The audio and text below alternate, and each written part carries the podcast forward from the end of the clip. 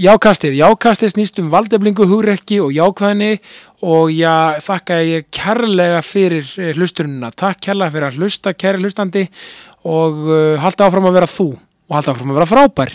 Jákastið er í búið Dressmann, Dirtyburgerinn Rips, KS Protect, Netgyro, Mýbúðarnar, Íslenska, Íslenska Barsins, Gullið mitt, Sjóvá og Egil's Kristall.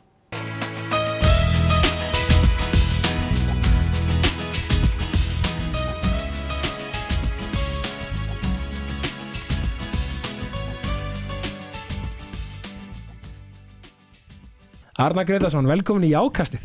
Heru, takk kærlega fyrir að fá mig Já, mín er náttúrulega ánægðan, sko. Ég er náttúrulega, þannig að sé satt, ég er náttúrulega valsari, sko. Já, það hlýtur að vera gott Já, það er, það er alltaf, alltaf við vangi, erum alltaf vangjum þöndum, sko. Uh, ég hef búin að fylgjast með þér, náttúrulega mikill fótbolta á maður og, og hérna búin að fylgjast með þér bara síðan og varst bara í lókærina miðinni að dreifa. Þetta er, mér er svo áhugavert að því að það, sko, finnst þú sérstaklega því leiti, sko, þessar pælingar sem þú ert með að varandi já, þjálfun og, og, og fótbolta in general, finnst þú endur spila hvað jákast er, því að jákast snýst um jákvæðinni, valdeflingu og hugrekki. Svona hvernig, þú veist, svona almennt, bara, þú veist, ertu jákvæðar að eðlisfari? Já, ég myndi nú segja það svona heilt yfir. Ég, ég er svona að reyna að líta svona hlutina á jákvæðum augum og, og, að, að, hérna, og bregðast í ákvæðt við en að, að, það er nú eina sem við höfum.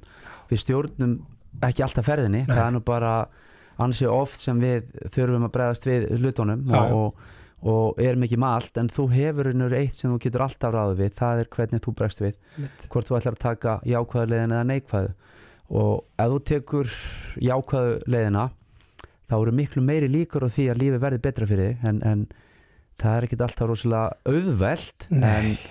en ykkur er svona þeir sem temja sér þetta það er yfir eitt fólk sem ná, nær svolítið langt. Já, og líka sko jákvæðni sko, hún er oft svolítið miskilið finnst mér, af því að jákvæðni sko ég, af því ég er svona happy go lucky að eðlisvari Já. og mér svo fyndið að jákvæðni sé raunni frávik. Og, og að það jákvæða sé kemur bara, hva, hvaða beiningrit ertu með í skápnum, af hverju þú ert ekki svona veist, af hverju það er eitthvað frávik? Og, og ég valdi að smaka áfengi. Já, það er oft bara, já, ok, hver fólk var, var þetta eitthvað vesen eða fórst í meðferð eitthvað slíkt. Já, fólk er svo fljótt að fara í sko eitthvað neikvæð í staðan fyrir að bara, hei, vá, vel gert.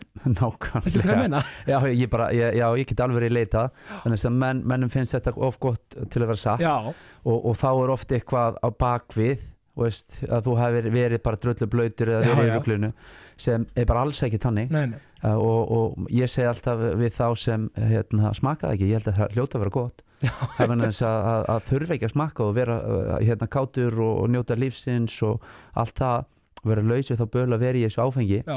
það held ég að hljóta, hljóta að vera gott. Það, það, bara, það bara hlýtur að vera og, og ég leita líka til þess sem þú ert að segja að ykkur sem er alltaf súper ánaður eða ekki endilega ánar, heldur í góðu skapi akkurat. og bregst við á jákvæða máta hana að þá hef ég alveg heyrt þetta oftar en einu sinni að, að, að hann er nú að fel eitthvað. Að, þetta getur ekki verið svona. Leikrit lífsins. Já en, en, en svo á móti kemur þarf ekkit alltaf að vera veist, slett og felt hjá viðkomandi aðala hann ákveður bara að vera jákvæður og, og tækla lífið þannig. Það er ekkit hjá öllum ég, ég segja það er hjá öllum að lífið er upp og niður. Ég, ég segi bara lífið sér rollercoaster.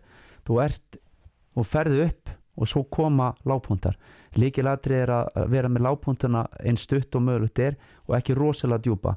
Reyna að vera eh, oftast uppi en algjörlega lífið er ekki þannig að þú set alltaf þannig að það sé allt bara í góðu. Nei, þá er mann að bylla það er bara effing ömulegt sko lífið. Og, og lífið getur verið og jákvæðni er það það er að leifa sér að líða vera, vera gráta, vera reyður, leiður, menna, eins og að þegar þú nú þjálfari og búin að þrjúast í fótbolta alla, alla þína hunds og katta tíð, ég rauninni veit það, ég fyrir á mánudu, upp í kór, sem er æðislegt, Mm. þá veit ég bara, á næja, þú veist, að því ég er nú ekki reyður maður elsverðin, ég næja að losa smá svona, koma hérna, berjast og aðeins að íta og tækla og svona, þú veist, þetta er, er gæði hérna, sko, segi Eh, en skilur þú veist, ég, ég kann bara á mig. Já, já. og það er líka svolítið mikilvægt. Og svo líka eitt það er ekki það er, það er innlegni að, að velja sér viðhorf. Maður getur valið sér það og geta verið frábært dagur. En stundum gengur ekki upp. Það er alltaf leið, þá er bara áfram gakk, þetta er svo tapa leik. Þá bara næsti leikur. Já, ég bara já, ég, ég vildi geta sagt að, að maður hérna, sé alltaf bara blussandi gladur er það ekki það, er ekki alltaf þannig en, en þú þarf að tækla, ég meina bara þeir sem er í fótbolta að það er ups and downs í því veist, bara í öllu. Og, og uh, það, það er bara hvernig þú tækla það veist, það, það er ekki, maður er búin að kynnast því á sumum stöðum að, að, uh, þegar við förum kannski svona söður á bógin að, að þá snýst allt um úslit og, og það er stundur svolítið skrítið að eina vikun eftir með bestu leikmenn heimi og svo eftir tap að þá er þetta allt helviti sauðmikjur og vitlisingar og losa sér valla og, og sko kannski það er náttúrulega getur ekki gerst. Nei, nei. Þannig að og þetta gerist oft kannski þegar glöggin er lokaður og svo kannski viku setna þegar búið að spila og þá er allir allir orðin bestir þannig að þá unnum við. Þannig að lífið er ekki alveg svona en, en, en eins og þú segir að það er hvernig menn tækla þetta. Þetta er bara sama, þú lendir í árestri og, og það getur vel verið að þú veist að tapa peningum en, en segjum og sett heil heilsu og, og þá er bara spurning hvernig brestu við og þá er bara veist, við, þetta er búið, ég breytis ekki. Nei, nei. en hva, hvað get ég gert til að gera hlutina betri og auðvöldari en þetta er oft ekki auðvelt. Þetta er mjög erfitt sko. er mjög erfitt. Og það er erfitt að vera, það er miklu auðveldar að vera bara, þetta er umulegt, lífið er bara glatvað ég- miklu auðveldar að vera neikvæður og fjölmiðra líka. Neikvæða fréttunar, okkur er það alltaf ofan á, eitthvað skandal, það er alltaf mest lesið. Þa, nákvæmlega, það er bara einhvern veginn þannig. Þetta er bara eins og menn segja, krakka fá miklu ofta nei heldur en já, já, já, Og, og miklu minna um hrós heldur en neikvæðni já, og svo líka menna, maður sér það bara svolítið í fótboltanum líka. Mörg hlaðvörp og fleira mikið um, frábært að sé mikil umfjöllun um fótboltanum okkar hérna heima, bara æðislegt.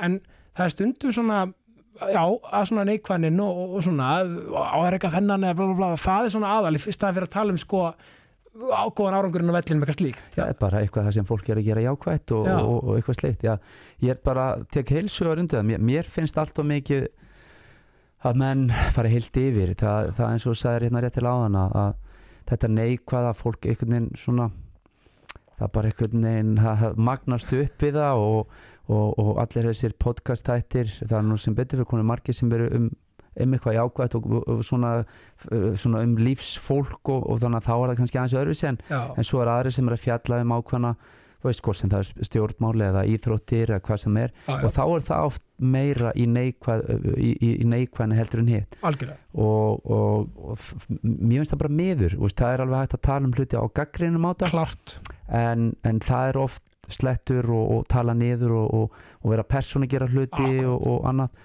sem mér finnst ekkit rosalega skemmtilegt. Nei það er það ekki. Og, og líka þú veist, sko leifum okkur aðeins að svona gott, að líka því gaggrinni, gott að nefna það það er ekki neikvætt orð, til gags, það er bara frábært. Ég meina maður þekki það veist, en það er búið að neikvæða og það, mað, það er svolítið oft hjólaði mannin ekki í boltan sko, sem er svolítið leðilegt en eins og við förum sko, sko 71 landsleikur, tvö Mm. mörg. Maður stættu mörgunum? Já þeir, eru ekki, þeir eru ekki það mörg nei, voru þetta stóru mörg eða? Eh, Þetta var að vísi ekki í einhverjum stóri þetta var bæði mörkin í, í æfingarleikjum sko, Já, annað ok. móti Ísrael það var í leikur sem endaði 2-2 og. Siggi Bróður skoraði hittmarki Hér koma örstuð skilabóð frá mínum frábæru samstagsæðalum. Dirty Burger Ribs, eh, Dirty, Dirty, Dirty. Og við erum nýbúin að opna í Felsmúla, Felsmúli, bara, bara takk frá mér, eh, snildar, eh, já, nýr staður mitt uppáhalds er gráðastaborgarinn, mæli með að fara Dirty Burger Ribs til að fá, já, gæða, gæða máltíð, takk. KS Protect, KS Protect, grafin lakkverð, lakkverja bílinn, það er ekkert flóknar en það, hafa góða lakkvörn á bílnum, það, það er, já, það er svo mikilvægt og, og gott. KS Protect skemmi veit, 28 bleikata, já, uh, það besta til þessa fyrir bílinn þinn, það er bara takk frá mér. Ég sittir indislu samstæði með íslenska barnum, íslenski barinn, íslenski barinn, Ingólstræti 1A, 101 Reykjavík, já, verandi 101 strákur, þá er það rosalega gott og gaman. Og já, stráng, heiðarleiki, stuð, stemming, uh, gleði og hamingja, það er það sem enginn er íslenska barinn og já, þú veist, íslensk matargerð í hæsta gæðaflokki og, og allt þar á milli. Já, það sem ég er svona, ég er rosalega mikið að vinna með, já, kjúklingasalatið, mér finnst það alveg geggjað hjá þeim, e, svo er ég að vinna með bara alls konar hluti, fisk dagsins, e, fiskur og franskar, ég veit ekki hvað og hvað, þannig að það er bara takk frá mér íslenski barinn, íslenski barinn, Ingolstræti 1A. Og það var stórglæsilegt mark eh, og hittmarki minni með að við vorum í móti á Möldu Já, og hvort að það hef verið já, á móti Möldu, með minni það.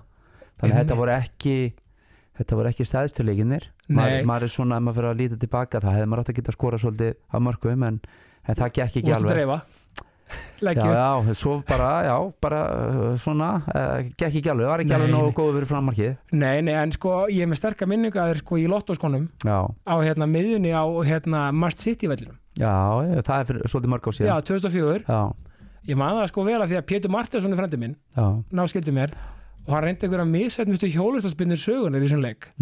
Bara vel, að- vel að merkja en ég bara svona með einhverja minningu aðeins hana en, en menn ferillin við bara meina, bara, þú fer í lándi Glasgow Rangers, já, sko, nei, ég, ég sem við þá tveggja semur við það sem við á til tveggja ára þegar ég er mjög ungu gutti og, og, og uh, er þar í ár. Og, og þá voru kannski reglur á þessum tíma svolítið öðruvísi þarna voru bara leiðir tveir uh, hérna leikmenn svona fyrir utan Evrópska, uh, já, uh, Evrópubandarlega þarna voru þeir lokað og ég var einn af þessum tveimur hjá Glasgow Rangers á þessum tíma. Og svo á þessum tíma þá voru ekki komnar þessar reglur frá FIFA Nei. að landsliðin gátu kalla leikmenn í x marga leiki og það voru landsleikja glukkar það var ekki þarna. Þannig að félögin gátu bara haldið leikmennum sínum og, og, og, og akkurat á þessu ári þegar ég fer hérna út með minnir að Jóli var búin að vera hérna í ár öruglega hjá Stuttgart. Já. og þarna byrjar KSI að búa að drafta upp s- svona samning fyrir alla þá sem voru ellendis við áttum ekki rosalega marga á þessum tíma. Nei. Og þarna var bara hugsunin að þá var bara KSI, bara Íslenska knastmyndsambandi að gera samning við félagslið per se upp á það að geta fengið leikmenn í ákveðnum marga leiki. Svo náttúrulega kemur setna að breytast þessar hlutir. Og, og svo gerist það að Stuttgart uh, bara uh, kveitar undir þetta og svo er ég hérna uh, ætla sér ekki komið í februar mars þarna, tímulegur að búi og, og hérna og Glasgow Rangers uh, fær þetta og þeir segja bara heyrðu já, það er ákveðin ákvæði sem er að neini sem við viljum ekki kvitta á. Það er bara þannig að til náttúrulega búin að kynast alls konar rúkutöldum Já. að það var eitt þannig að, að, að það segir bara ef landsleismar kemur ekki í landsleik að þá var held ég 200 uh, 200 punta sekt sem þeir gáttu sekta liðum en svo þeir sögðu bara heyrðu, við getum sleppt þér. Þú, veist, þú getur farið en þú mætir ekki. Og þú ákveður bara að fara í frí veist, þú mætir ekki landsleikin hérna, þá þurfum við bara að borga. Við getum þurft að borga, það þarf að svona að setja svona betur niður ákveðin ákvæði. Og, og það sem gerist er rauninu bara á kási sem nei, því, þú veist, þe- þessi eru búin þarna er maður bara ungur, ég held ég var 18 ára eitthvað svoleiðis. Og ég, eh, ég segi bara hef, að því að kási segi við mig þetta reddast að því að þessi er þú verður bara að vera aðeins rólegir. Þá segi við á, heyrðu, get ég ekki bara fengið að fara heim meðan þeir eru að klára því ég ætti að taka þátt í stóru móti hérna innanhansmóti sem var rosa spennandi á aðalið, það var að fara að taka þátt og ég ætti að fara með það. Já, en þeir bönnuðu mér út af þessu. Og, og svo fæ ég rauninu bara, bara ég skildi það ekki á þeim tíma þar sem Walter Smith segði rauninu bara við mig ef þú ert að fara núna að, að, hérna, að þá sækjum við bara veist, ný, veist, leikmann. Já, já og þá gerðu þau það. Ég fer og, og, og þá sækja eh, Mikael Senko frá Sampdoria fyrir 2 miljónum punda. Já, af því að þeir voru náttúrulega bara með tvo útlendinga og, og settu annað í einhvern kjúkling frá Íslandi. Ef voru greiðlega með aspirationni fyrir því sko, Já, já, enda ég, ég hérna, ennþá margir góði vinni mínir á þessum tíma frá því ég var hérna í, í réttæft ár og það var rosalega skemmtilegu tími og þarna var Graham Súnes uh, manager og, og á þessum tíma þá held ég alveg öruglega að Glasgow Rangers hafi verið með fjóra ef ekki fimm ennska landsleismenn hugsaðir uh, þú getur ímyndað þetta heldur að Glasgow Rangers eða Celtic verið með ennska það aldrei að fara að gerast. Nei, þetta er, ef við sko, við erum líka að tala um það, þarna var þetta sko launakostnaður Rangers, faktisk ég örgulega hærri heldur en sko, Já, kallaður, þe- þeir voru kallaður á þessum tíma banki Breitlands Já, þetta var svona staðisti klúburinn og þarna voru þeir voru með Terry Butcher sem var fyrirlega ennska landslýsi þeir voru með Chris Woods markmannin þeir voru með Trevor Stevens og Gary Stevens sem komu frá Everton. Já, báðir ennski landslýsmenn og þeir voru með uh, Ray Wilkins sem var að, svona að klára. Þannig eru fimm og svo náttúrulega voru þeir með hellinga af skóskum landslýsmennum líka. Þeir voru náttúrulega með og akkurat á þessu ári þetta er fyrsta skipti sem þeir taka hérna katholika uh, af því að þeir þetta er, veist, ah, og þetta var fyrsta ári sem það gerist. Mo Johnson, uh, Johnson sem var Celtic gæi já, og katholiki hann kemur á sama tíma og ég. Þetta tíðanbyrð, minni þetta sé 88-89 Vá, það er alltaf merkilegt. Já, þetta var einhvern fyrsta skipti sem þetta gerist og svo í kjölfarið að þá opnast í báða átt, áttir. Af því að Reynsins var svona, uh, þeir voru ekki katholiki, það voru Celtic. Einmitt. Þannig að og það hefur var alveg fram á þessum tíma að þá var það bara svoleiðis. En, en svo breytist það með þessum tíma. Þetta var, þetta var rosalega skemmtileg tími og ég og, og kona minn dag þá var kærista mín að við fórum hann saman út og, og við byggum hjá David Moyes uh, hérna senior. Í alvörunni? já já og kynntist Ok. kynntist náttúrulega fjölskyldinu rosalega vel og við hefum alltaf verið í sam, uh, samskiptum við þau Kenny og David Moyes Ju- hérna, junior og, já, já, og, og svo náttúrulega mömmuna og afmunna og þannig að þetta var mjög skemmtilegu tími. Gaman. Já já, þú veist, og svo læra maður náttúrulega bara og svo, svo náttúrulega eins og þarna að, að uh, það er alltaf að hugsa tilbaka en það, þú græðir ekkert á því hvað hefði, hvað hefði verið ef maður hefði verið áfram. Akkurat, Ah, en- það, er, það er aftur þessi vegferð sem ég alltaf að tala um sko, maður er ofta, þú veist, maður horfður tilbaka og, og eins og Salnas Jóns mín sagði hann svo fallega, handrið lífsins, þetta er bara líku við sko, þú veist, handrið lífsins er bara einhvern veginn, þá maður hugsa að þetta áttir náttúrulega bara að gera. ég, ég, veist, ég, ég, það sé alltaf þannig þannig að og ég er ekki að vera að velta einhverjum hlutum fyrir mér hvað ef? Nei, ég, ég veist, það hefur ekkert upp á sig. Ég, ég var í Greiklandi spila held ég eftir fyrsta tíðanbili mitt. Þá, þá kemur útsendari frá Paris Saint-Germain og þeir bjóða miljón dollara að kaupa mig og, og ég var rauninu búin að semja við þá um, um kaup og kjör. Já, bara sjá, og Já. svo þetta klúbanir eftir að, já, en, en sko þeir komum bara með miljón þá vildi að eitthvað þrjár. Já. og þá segir þeir, nei, við erum ekki að fara að borga það. Nei, og svo gekk það ekki eftir. En þá hefur maður alveg getað að hugsa shit bara PSG er náttúrulega reysa klúpar á þessum tíma, eh, Ronaldinho þarna og þau voru með eh, ykkur að tvo, þrjá Brasilíumenn og náttúrulega bara alveg stór og mikill klúpur rosalur, já, en eh, veist, en, en sem maður segir sko, þetta er sama tíma til ég enda í lókarinn já, þá var ég rauninu komið með samning hjá andilegt en, en fer á annan stað. Og já, en, er, er þetta líka svolítið svona kaupun og eirin í veist, og bara öll á lífinu, þetta er þú veist, fyrir þetta er komið á blað og líka við mættur inn í sko klubbin og byrjar að æfa, þá er þetta ekkit sko, þetta Nei, er sko- svolítið hipsum haps. Nei, já, já, og það er sko það sem maður náttúrulega hefur lært eftir því sem maður er eldri og svo maður fór að vinna sem við maður íðrættumála Mm. það er ekkert örugt fyrir að það er búið. Akkurat, en fannandi andilegt ég, ég fer þangað og, og, og, og raun og veru komir uh, allt klappað og klárt.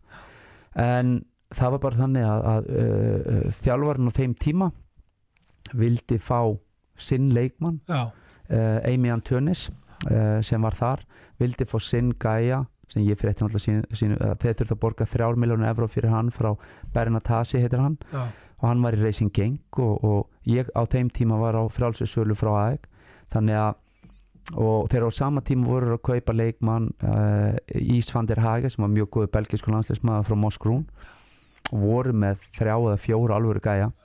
Og þeir sögðu bara við mig uh, veist, uh, hérna, þú getur komið.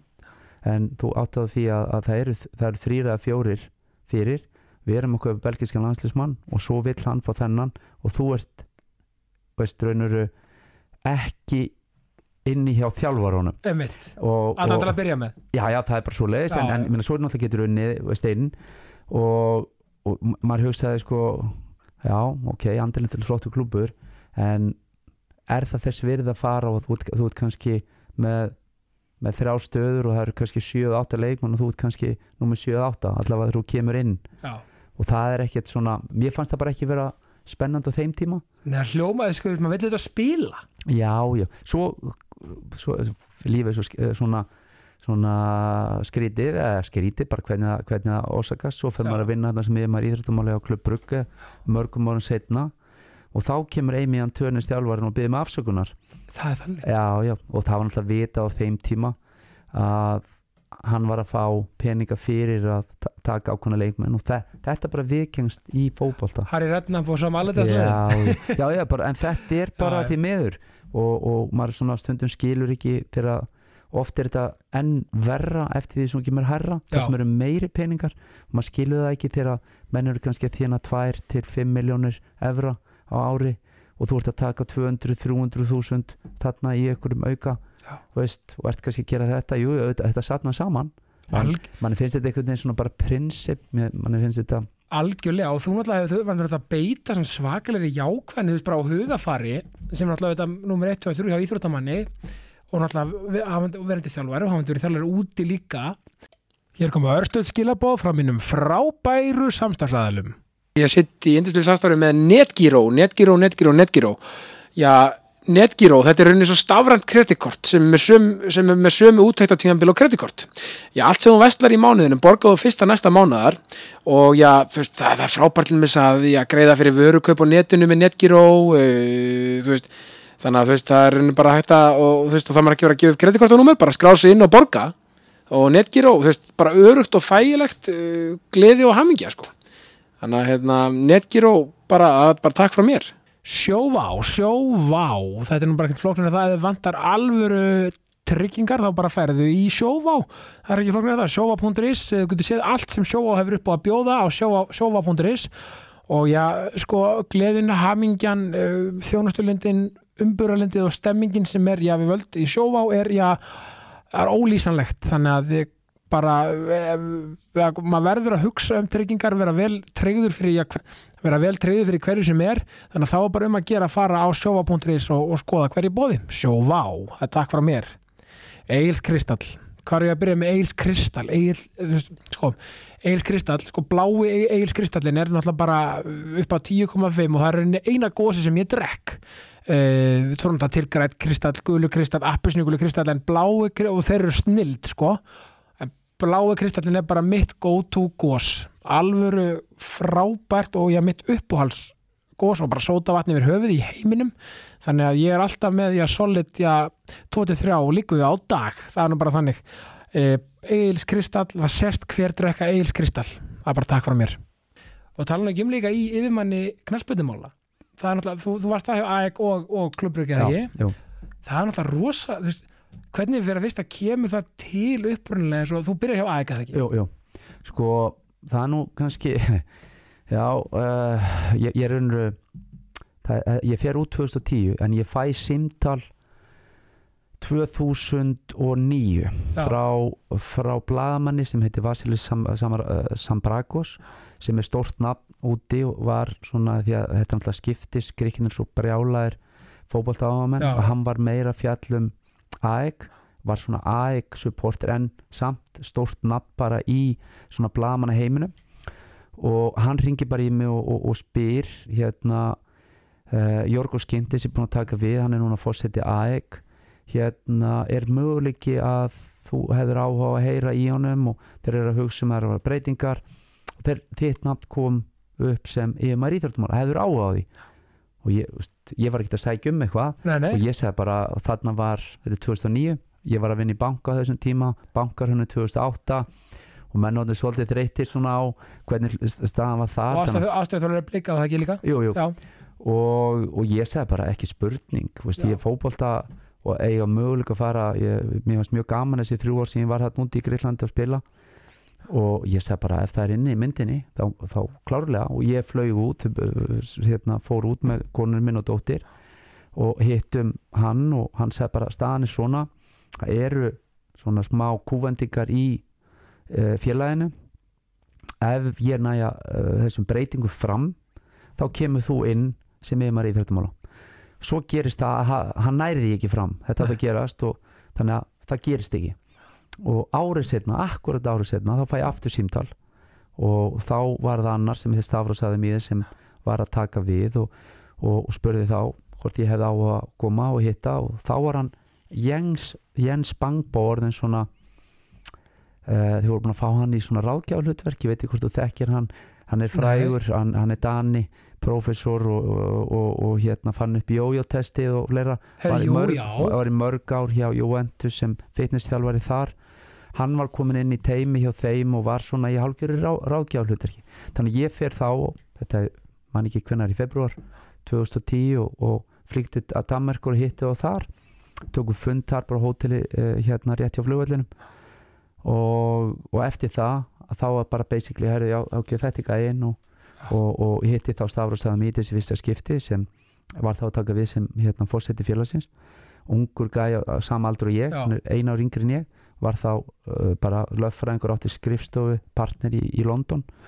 Brjálar aðeik aðdándi þannig að fyrir hann var þetta bara og lífsins. Myndi eftir þessi leikmann og svona? Já, já, já, Já, já, já. já. Þe- þe- þeir sem eru aðeik þeir, þeir, þeir, nei, nei, þeir, Eh, eru, þeir, eru- þeir eru lett bilaðir já, og þannig að þá gerist það bara aftur og, og, og, og þetta var í februar og ég hoppa bara út mánuðin setna þannig að ég komið þar í lók mars og, og var samt að fara inn í sem aðstofa þjálfur í Óla 2010 einmitt. Þegar að vera Íslandsmeistrar, búin að vera byggamestrar og, og það var náttúrulega, ég hoppaði bara út í djúbulegina já, þannig að þú ert náttúrulega allt undirbúrstíðanbili með blíkonum já, já, bara Já. rétt, rétt fyrir. Einmitt, það bara mánur, einn og hálfu kannski mót eitthvað svoleiðis. Og, og hérna, og ég hoppa bara út í djúbulegina já, og það er stökk. Já og, og líka út í því að, því að ekki náttúrulega risaklúbur Já. og í akkurat á þessum tíma voru uh, svolítið svona uh, já, erfiðleika peningala þannig að þeir voru með risabudget en það átti að það átti eftir að gjör breytast og þetta voru bara rosalega mikill skóli fyrir mig að fara út og kynnast þessu. Eitt er það að vera fótboltagutti og hafa verið í fótbolta allt þitt líf en allt hérna að fara að fara bak við tjöldin og víl og díla og eiga við. Það var, það var skemmtilegt en það voru margar sveflausar nætur og, og svona. En veist, ef, ef ég veist, ég, ef ég geti spólað tilbaka myndi ég gera þetta aftur. Já, ekki spurning en ég myndi kannski gera margar hluti öðruvísi vitandi ekki það sem ég veit í dag. Algjörlega, en eina sem ég ekki bara kalla að hugur ekki að bara, veist, menna hoppa í þetta, þetta er ekkert smá jobb eða svo segir, hjá sko risaklubbi og fara í þetta eiginlega bara aðsta hlutverk faktisk séð, já já og, og svo, svo líka kannski það sem menn átt að ekki á að þarna eru menn alveg rúðflaus það eru, ég veit ekki hvað ætla að séu þrjú, þrjú dagblöð kannski sem bara er að skrifa um já, og, og eitt af þeim svona nei, það var svona vefsíða. AEK365 já, uh, .com eða org eða eitthvað. Þeir voru stanslaust á bakkinu á mig það er bara, bara bara nei, þeir voru bara drull yfir mig já, bara, drulli, já, bara- við bara. já, já, bara stanslaust alveg sem að, það bara alveg sem að hvað við gerðum eða hvað þá ef við tókum ykkur leik það var alltaf, það var það bara agenda þeir vildi bara fá annan mann inn. Já, já, þú, já, nákvæmlega. Og þetta er bara eitthvað sem þú verður bara að læra að díla við þannig að ég hef oft sagt þú veist, ef þú ert í einhverju svona í einhverju svona íþróttadæmi þar sem eins og eins og, eins og AEK, ég held að AEK sem með átt í þrjár miljónir manna sem er að svona styðja, þú veist, sem eru bara hardcore stuðnismenn út um allan heim. Það er svakalegt. Já, það er rosa mikið og, og það hafa allir skoðanir. Og, og þú getur alveg saman segjum og takir ykkur ákvörðun ef þú fær 60% manna sem eru samtykkið því sem þú ert að gera það finnst þetta að vera gott, þá er það geggjað. Þú getur aldrei hugsa, heyrðu, alveg saman hvað hann gerir saman sé geggjuð ákvörðunin þú fær aldrei alla til að segja, heyrðu, þetta er geggjað sem hann að gera. Og þú getur ekki verið að hugsa um Nei. það þú verður bara því að, svo fyrir utan það þú ert með alla fórsöndu fyrir fram að þig þegar þú ert að fara að taka allir hinir sem er að mynda sér skoðanir þeir vita ekkit út af hverju að gera þetta. Þeir sjá bara þetta nátt kemur eða þetta nátt fer og vita ekkit út af hverju. En menn hafa allir skoðanar og þegar menn eru að fara þá vita menn ekkit út af hverju hann er að fara. Þeir bara sjá kannski eitthvað bara mjög sem geggjaður í fótbolta svo getur þetta að vera algjör asni hvernig hann er að haga sér veist, í, í klefanum og hvað hann er að gera. Fólk svona það hefur ekki hundsvit um það hvað er að gerast baka tjöld Nei, og vitar hennar ekkit hvað það er svo mörg element sem, sem spila inn í þegar menn eru að taka svona stórar ákvarðanir. Já, þannig að og jú, jú, við getum alveg sagt það að, að hvernig hluti voru gerðir í, í, í Greiklandi samanborið svo þegar ég fer svo til Klubb Brugge já, þá var miklu meiri fagmennska hjá Klubb Brugge. Já, um, en við reyndum að koma, just, ég reyndi að koma inn ákveðnum, breyta ákveðnum hlutum hjá AEK og fór að gera hlutina allt öðru sig það var til dæmis ekki, ekkit scouting network það var bara, bara umbásmenn sem kom með leikmann þau bara tóku þennan og hinn og tristu þessum bara svo í gamla gamla dag Já, sko, bara, það bara, bara menn í jakkafættum að horfa þessi getur skotið maður, fá þennan. Já, já, það, það, það var bara þannig að við treystum þér og, og þá bara komst þú bara með leikmannina og þú náttúrulega fyrir stellinga peningum og það það, var bara þannig. en svo komum við bara þannig að við erum að bæta við, taka fleiri inn skáta, fylgjast með hvar getum við með að við budgeti okkar tekið leikmenn sem eru það góður að koma hingað, þannig að við fórum að svona alveg geta hvar við að fylgjast með? Hvar getum við tekið, þeir eru aldrei gert þetta áður. Nei. þannig að við fórum aðeins að vinna svo náttúrulega bara sama tíma þegar við erum að gera allt þetta þá breytast hlutinir, þú veist, budgeti fór úr, ég ætla við, við, við erum með budget sko á þeim tíðinni komu 34 miljónir og af því voru 16, 17 miljónir 17 miljónir efra öruglega launakostnaðar. Og þetta er svona hérbil það er mjög litli skattar í Greiklandi á þessum tíma. Já, þannig af 17 kannski 15 miljónir nánast 14-15 miljónir netto. Og svo þegar ég er að fara eftir 2,5 ár þá erum við komin í budgeti på 6 miljónir og þar ertu með 40 skatta. Já, paldi því. Þannig að þú getur ímyndaði breytinguna. Já, þetta er náttúrulega sko, byrju, hvað er þetta langt, langt tíðanbili sem við erum að tala um hana Við- þetta er 2,5 ár. Tvö, tvö, þetta er náttúrulega og þetta er rosalegt og þannig að breyting þannig að þegar við erum kannski semja við þig veist, eitthvað leikmaður og þá eru mjög algengt sem, samningar kannski sem voru ekki kannski eitthvað svo stóri bara svona eðlega 300.000 eurur netto, 350.000 eurur og, og, og svo kannski ætlum við að fara að heyra bara við getum, við ætlum að bjóða 150.000 en svo þarf þetta að borga því skatta, hitt voru kannski netto samningar veist, þannig að menn bara eftir eitthvað geðpilla þannig að það var svo margt sem þannig að maður þurfti að díla við svo margt. Svo var líka sem var, veist, á endunum var þetta þannig að menn voru ekki að fá greitt og, og, og endun, ég var ekki fjármálastjórin Nei, en það var eiginlega orðið svona undir, undir síðasta að þá voru, þá voru sko menn þeir sem við skuldum hættir að syngja fjármálastjóran því að hann bullaði svo mikið. Hreint verið þig? Já, og þegar ég sagði bara hvernig staðan var þá var kannski búið að lofa ykkur í mann alltaf einu sinni að við skuldum umbósmanni 70.000 efru netto. Og hann ringir í mig í kjölfæra nýbúin að tala við, við hérna fjármálastjórun og fjármálastjórun segir við hann hérna já, við munum borga þér 40.000 í næstu viku. Og skulda hann með því svolítið tíma. Já, og hann ringir í mig og spyrir mig, heyrðu, ég var að tala við fjármálastjóran hérna, hann sagðist vera að fara að borga mér 40 stefur í, í næstu get, get ég átt von á því, segir hann. Og þá segir við hann ég skal lofa því, ef hann, ef hann með peningin og ætlar þeir að borga þér 40 þá mun ég stoppa, sagði við hann. Já, og hann, þá bara svolítið að hann býti hvað áttu við? Ég sagði bara, það er þannig, við erum með fólk í vinnu hérna sem með, með 1200 efrur upp, eða svona 800 til 1200 efrur netto laun við skuldum 34 mánu já, ég, ég, ég skal garantera það ef hann er að fara að borga því 40 þá fer það ég borgar laun starfsmann hjá okkur. Einmitt. Það fer ekki út. Og þegar hann heyrði þetta þá er hann, já, ég held að hann sé ekki hann, ég vil enga trúa að hann sé að fara að borga mér en ég skil það. Ég meina, þarna líka bara heitir þú að mannlega partin já, já, bara, en þannig er ekki verið ekki bara vera að bulla. Þannig að veist, uh, og hann skildi það bara. Veist, hann, það var ekki þannig að, að, að hann var eitthvað fúll þegar hann átti að sjá því að, að þannig er bara fólk á algjörnum lámaslaunum og, og við, vorum ekki, ekki að borga um laun. Og það var, voru strís ástand þarna á í vinnunni. Þetta var Nei, meina, ég er ekki að hugsa skilur þarna þar er þú að taka svolítið hitan bara svona, oh, þú veist, þarf að koma með leiðilegu já, og það er ekkit gaman og maður þarf aldrei svo að breytt bak til þess já, já, jú, jú, veist, eða breytt baki eða, veist, ég segi líka að Ba- Já, bara Að- hreinskilni. Já, ég, ég segi sko ef þú ert heiðalur og hreinskilinn þá kannski verður fólk vonsveikið akkurat að heyra það. En ég held svona þegar líður aðeins á þá kann það rosalega mikið að meta þetta og, og, og það virðiði miklu meira Já, þetta, er svo, er Mark Twain sagði, sko, ég, ég líg aldrei af því að það er aldrei að muna neitt. Nákvæmlega, en það Skilju. er bara hárið Já, en að þetta er bara sama eins og með með, með, með eins og, eins og ég man ekki hver, hver saði það hvar ég heyrði það? Veist, með þjálfara já, veist, ekki fara í útskýringa við leikmenn þegar leikum akkur er ekki að spila þetta og hitt og, og, og bara þú ert alltaf að velja besta liði þeim er minna sem þú segir og ef þú segir eitthvað verður heiðarlegu, segðu hlutuna eins og þeir eru en ekki segja mikið vegna þess að ef þú byllar og þú tala mikið þú ert að tala við 20 til 30 leikmenn hvert einasti leikmaður hann mann hvert einasta orð sem þjálfari segir. Þú manst ekki hvert einasta orð þú segir við hvert einasta leikmann. Þannig að og ef þú byllar og þú manst það ekki að þá ferðir ringu og vitleysi og það endar það þá springur ertu bara að missa þetta bara. Já, já, Í- bara og þetta er svo magna sko því að þjálfunin er svo magna þú ert að þjálfa úti og hérna heima náttúrulega.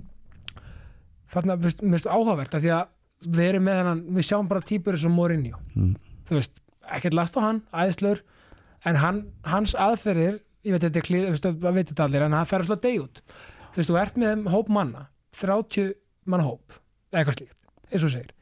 Það, þú veist, menna, það er ekki, sumið þurfa smá svona motivation á x-hátt, sumið þurfa kannski bara smá knús, sumið þurfa þú veist, þetta er svo, þetta er rosa flóki sko, vantilega ekki að vera með svona marga í hóp, þetta er bara félagsfræði ég er klára félagsfræði í háskólanum. Þannig að þú veist, skilur, þannig að ég, ég get ímyndað mig hvað þetta er flókið Já, ég, veist, það, það er alveg rétt, ég menna það er, það er engin einstaklingur eins og ég held að þeir sem er að stjórna ég bara segjum starfsfólki í fyrirtæki og þú er bara stjórnandi þú ert með 30 manns undir um, eru af svona aðal kostum góð stjórnand, það, það er mikið tilfinningagreind já, emotional intelligence að þú getur lesið í stöður hvernig þú kemur fram, hvernig þú tjáið þig og, og allt það, auðvitað þarf þetta að vera heiðarlegur og koma rétt fram og allt það en, en svona tilfinningalig grind hvernig þú nálgast fólk og hvernig þú fær fólk með þér og allt þetta lesið í stöður hvenær þú getur farið verið svolítið svona aðeins ákveðnari og hvenar þú veist þarf það að vera meira soft og annað.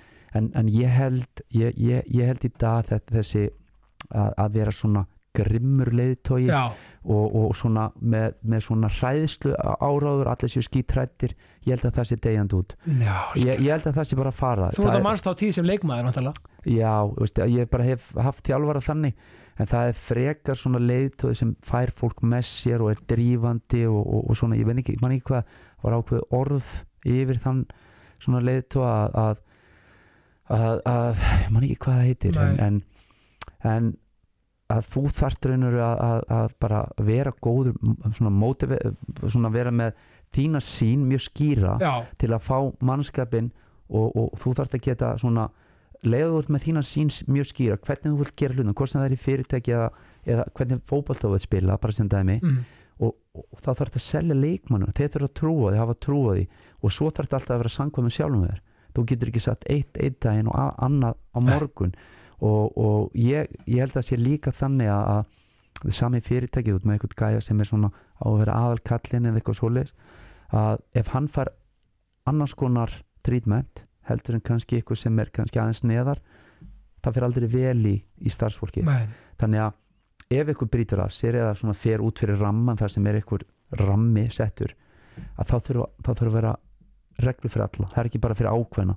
Og, og ég held að sé líka rosalega gott að það sé ákveðin rammi ég er ekki að segja, ég er ekki mikill reglukall men, en það er samt þannig að menni að vita sirka hvað er eiga að gera. Leið þú veist ekki hvað þú átt að gera að þá er erfitt að gaggrina en leið þú, það er svolítið skýrt hvað þú átt að gera að þá getum við rætt um þegar þú ert ekki að gera réttu hlutina. Absolutt. þannig að þetta líka góðu stjórnandi hann kemur þessu skýrt fram og svo þegar menn eru kannski ekki alvað til yfir að þá tökum bara sem dæmi að þú vilt að menn mæti á réttum tíma helst og undan og ef þú- komur seint þá kannski bara heyrðu, nú þarftu nú aðeins að spýti Akkurat, og, veist, og ef maður gerir þetta aftur þá, þá er þetta komið guldspjald klart. og þú heldur áfram þá verð ég bara kvættað út. Ég verið bara með real life dæmi um þetta. Ég meina þegar Jürgen Klopp að því ég er Liverpool-maður hann tekur Mm. við Liverpool uh, fyrsta svona full, fulla sísonið þá er Mamadou Sakho í Liverpool. Já, hann brýtur reglur hana, kemur á seint og er eitthvað trúða, trúðalátast þarna þú veist, nokkru sinnum, bara farin Já.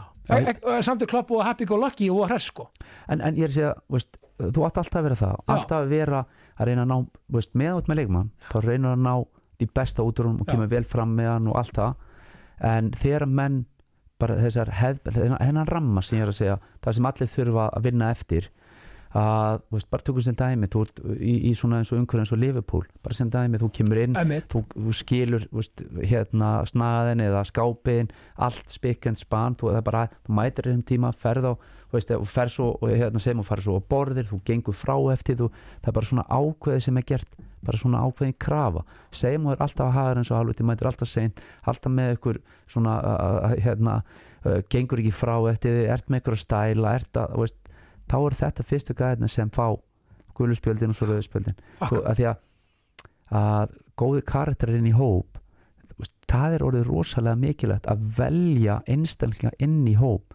Það er ekki nóg að velja bara veist, að hafa eitthvað góðan gæja. Þú tökur bara veist, að velja eitthvað inn í eitthvað fyrirtæki og, og hann er kannski rosalega góður í því sem hann, er, hérna, sem hann á að gera en hann er skelvulegur í mannlegin já, samskiptum og hann er kannski þannig, í þannig starfi hann þarf að kommunikata þá getur hann dreigið alla aðra niður og hann drepur andrúslofti Emmett, sem okkur sem góður hann er sko. Já, og þetta er bara sami í, í, í fótbolta. Þú getur verið með geggjaðan leikmann en ef hann er ekki að delivera á jákvæðan máta og er svona hafið sér öðruvísi að þá getur hann verið smá toxika svolítið umhverfi. Klálega, ég meina þú er vantilega að díla mikið þetta sem þjálfari, eða skilur við pælt í, pæli þessu og náttúrulega sem yfirmaður íþróttamála, eða knarspöldumála þú veist, þú vantarlega varst á við því að velja leikmenn og að svona fá leikmenn til ykkar.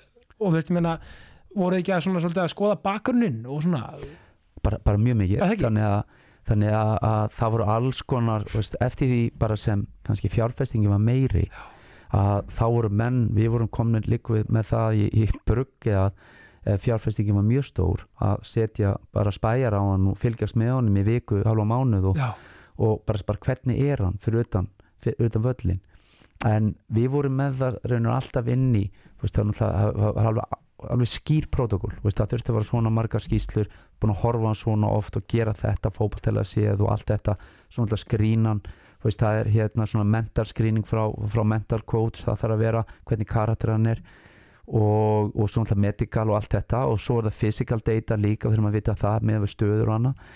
Og svo kannski það sem er mikilvægast að það var, við vildum hafa fimm reference frá fimm óháðum aðalum sem þekkja viðkomandi aðala mjög vel bara hafa unni með hann. Og já, og ekki þá vinir svona nei, ekki ó, óháður, já, óháðir, einmitt, bara einmitt. sem hafa þekkt hann og unni með með, annarkoð spila með honum með eitthvað sem Já. við þekkjum sem við gætum bara ringt og sagt hvernig er þessi gæi? basically bara að fá meðmæli. Já, það ekki sig Já. og, og við vildum helst hafa þannig að það væri fimm og þau voru mjög svi, svipuð. Já, um, og það var lágmark að þau þurfti að vera þrjú mjög góð. Uh, við, við vorum svona eitt sem var svona kannski svona vikmörk svona, Já. já, þannig að þá þurftum við að, með, við að meta en þetta litu við þetta var rosalega mikilvægt. Og veist, að því að ef þú talaði við fimm aðla og þú vissir að þeir voru ekki bæjast þeir bara voru að gefa og það var alveg exceptional veist, review. Bara þetta er topp gæi, þetta er alvöru gæi klefa, mæti fyrstu fyrst síðastur og jákvæður talar aldrei vesenum, þetta er alvöru gæi og ef, ef þú fær fimm svona þá veistu þú, þú ert mann að skáta hann, hann er góður í fótbolta. Og fær þetta, þá veistu að við erum að fá alvöru gæi hérna. Nú er ég alveg að hugsa því að maður er oft séð sko, maður fylgir sér mikið með Twitter og svona, að þú veist, þú er að pæla þú veist, það er verið að segja, "Já, hann er komið hann er á leiðinni flugi til, uh, þú veist, brugg eða whatever, svo sem maður stundu díla detta, bara köttast af, bara dett út þú veist, þeir bara fall through. Já. þá hugsa maður, þú maður hugsa, hvað, þú veist, hann á lækniskoðuna, bla bla bla, maður hefur átt sig ekki á því að kannski er eitthvað sem rauð, bara off. Það gæti líka verið stundum að því að undir þetta síðasta yfirleitt það sem við tókum síðast. Já, þú eru komst þegar leikmannum segjum að var nánast allt búið referensin búin og allt dótið. Já, að, að þegar leikmannir kom til okkar þá voru tekið medical og physical stundum tókum við líka að mann látin menn settir í eitthvað ákveði og í dag svo sem getur fengið veist, bara deyta þegar allir að spila með kupp og þá þarftur hennar ekki að gera þú sér bara já, já, en, en stundum var hitt og, og það sem við gerum yfirleitt á þeim tíma líka, það var mental screening og þá fór sálfræðingurinn hann settist niður og það kom ég man bara svona eitt skipti, þá fengu við rauninu bara hefðu, við hefum ekki semjað hann. Nei, þetta er bara ekki rétt. Já, það var svoleiðis, en við sömdum við hann við fórum samt, sko, að því að skýstum ok, við gerðum það, en svona eftir að higgja það hefði ekki átt að gera, nei, það var alveg rétt að því að hann, hann, hann, hann náði ekki að svona fungera inni, þannig að það var alveg, alveg rétt að sem kom út úr því. Það er ótrúlega merkilegt. Já, en, en, meina, en, en þetta er einhverju bara en svo mögulega hugsaðu kannski, ok mögulega munan, að þetta er náttúrulega bara basically, þetta er náttúrulega alltaf svolítið áhætta. Miklu peningar í húfi. En þú hugsaum, ok, hann lítur nú að að aðlagast hérna og lítur nú að eitthvað, en, það er, það, svo, svo, svo hefði þetta alveg geta farið öðruvísi. Svo eru náttúrulega bara mörg element sem spil inn í já, segjum bara að þjálfarinn hefði bara satt herri, veist, að að hefði náttúrulega átt að vera þannig að því að scouting reporti á þennan leikmann var rosalega gott og hefði þjálfarinn bara tekið hann þrátt fyrir kannski að veika þetta, þetta mental screening hvernig persónuleiki hann var sem kom ekki vel út að hefði þjálfarinn bara gefið honum trössitt þá gæti alveg verið að það myndi ókoma ef hann myndi performin á vellinum að það myndi yfirstiga hitt já, en svo það sem gerist að sem basically mentarskinin sagði ef maður lendir í ströggli þá, á hann ekki breyk já, og þetta er bara eitthvað sem er mælt já, já, að þú bara sé séð það, já, hvernig, hvernig, hvernig hann bregst við og, svo, þetta, og þetta er nefnilega svo gott að nefna þetta þetta er þetta element í fótbolta sem ég elska að því að við reynum að fara á völlin einu svona árið, Breitland eða Já. ja. Þískaland eða eitthvað við hjú, ég er mjög vel Já. giftur og, ég, Já. og konu minni fótbolta á maður Já. og mér er svo gegg, ég elska að sjá Lillend undir sem ég held Já. með sjá hvernig þið bregst við. Já, við veistu það, veist það var eitt moment sem ég fekk bara gæsa á, þú veist, við vorum á Anfield leifbúlendur undir, nú er að gera svona, svona butturhefingu, Já. Van Dijk strax, leið, hei, let's go. Já. ég, þú veist, ég var bara svona, já, þú veist, þeir eru ekkert bóknir, sko, þeir eru ekki, eru ekki brotnir, menna ég, en, en þetta eru þetta er vantilega þjálfað. Auðvitað og þarna kemur líka þarna kemur líka nú karakter einstaklinga. Já, þarna kemur líka hvernig einstaklinga mann eru Að að kannski ástæða okkur mennir í að sitja eða eitthvað, Já, og, og, og þannig er örgulega búið að skáta líka af því að þú, þú ert annarkvæmt með rosalega þrautsi og resilient sem, sem menn bara, veist, bara með tíð og tíma vinna, veist, bara eru þannig típur já, hafa kannski líka oft þessi típur sem eru mjög svona resilient gefast ekki upp, eru með þrautsegu eru einstaklingar sem hafa lent í miklu mótlæti. Einmitt. Hafa ekki veist, bara allt gengið smörðurlaust bestu leikmennir eru yfir leikmenn sem hafa lent í miklu mótlæti á einhverju tíma í ferli. Sjá bara eða smára, Já, nákvæmlega, veist, bara það, þú getur tekið nánast flesta á einhverju tímamóti að tíma bili þeirra lífi. Já, Ronaldo veist, var búlja og þvíleikt og já. alls konar vesen þegar hann var yngri með pappans og allt þetta dót. Þannig að og þetta er bara rosalega algengt mer merki þannig að þú getur skátt að þú getur er grafið inn í þetta já, og þeim er fleiri gæja sem þú ert með þetta enginni þeim er betra lið af því að alvöru lið þau, þau vinna. Ef við tökum bara lið sem var Íslands og byggjumestari í fyrra já, Víkingur, frábærir. Já, ég menna þeir gást aldrei upp, það var alltaf alveg fram á síðasta. Já, og rosa resilient í liðinu, þraut sér alveg alveg sama, rosa margi leiki sem þeir bara tóku og, og, og smössuðu leikin á síðustu 20 já, já. Þetta er engin allra góðra liða. Algjörlega og, og sko og þetta er líka svo merkilegt sko þá kemur að líka þessari félagsfræði fótboltans að því að ég er nú að sláði með þetta með félagsfræðin já, já, ég sko það er náttúrulega, við tölum, það er að mæla allt basically, sem tengist bara líkamannum og öðru slíku og greinilega við svona smá sálfræði próf en maður tekur, ef þú nefnir vikingana, öll svona bestu liðin bara allstaðar einhvern veginn, sem er að vinna allt þau eru með einhvern óutskýran liðsanda móral og já, momentum. Það er þetta momentum telur þú, Arnar, sko sem bara hafa verið á topp leveli og ert á topp leveli í Íslandi þú veist, er þetta ekki eina sem er ekki, alltaf, ekki búið er að finna út hvernig er þetta að mæla, liðsandi og af hverju momentum myndast? Þetta ég- áhugavert já, sko. já, ég, veist, ég hef bara þetta er, þetta er risa spurning. Já, þegar hérna- þú vorum með sálfræðing í teiminu í fyrra. Já, já. Og sko eh, hérna, bara þú segir þetta ef maður fyrir svona aðeins bara að hugsa öll þessi lið sem, sem hafa verið að vinna titla Já. og hafa verið að gera góða hluti ég er eiginlega vissum að þeir eiga nokkra hluti sameiginlega. Já, þú sér aldrei líkans, neikvæða líkanstjáningu.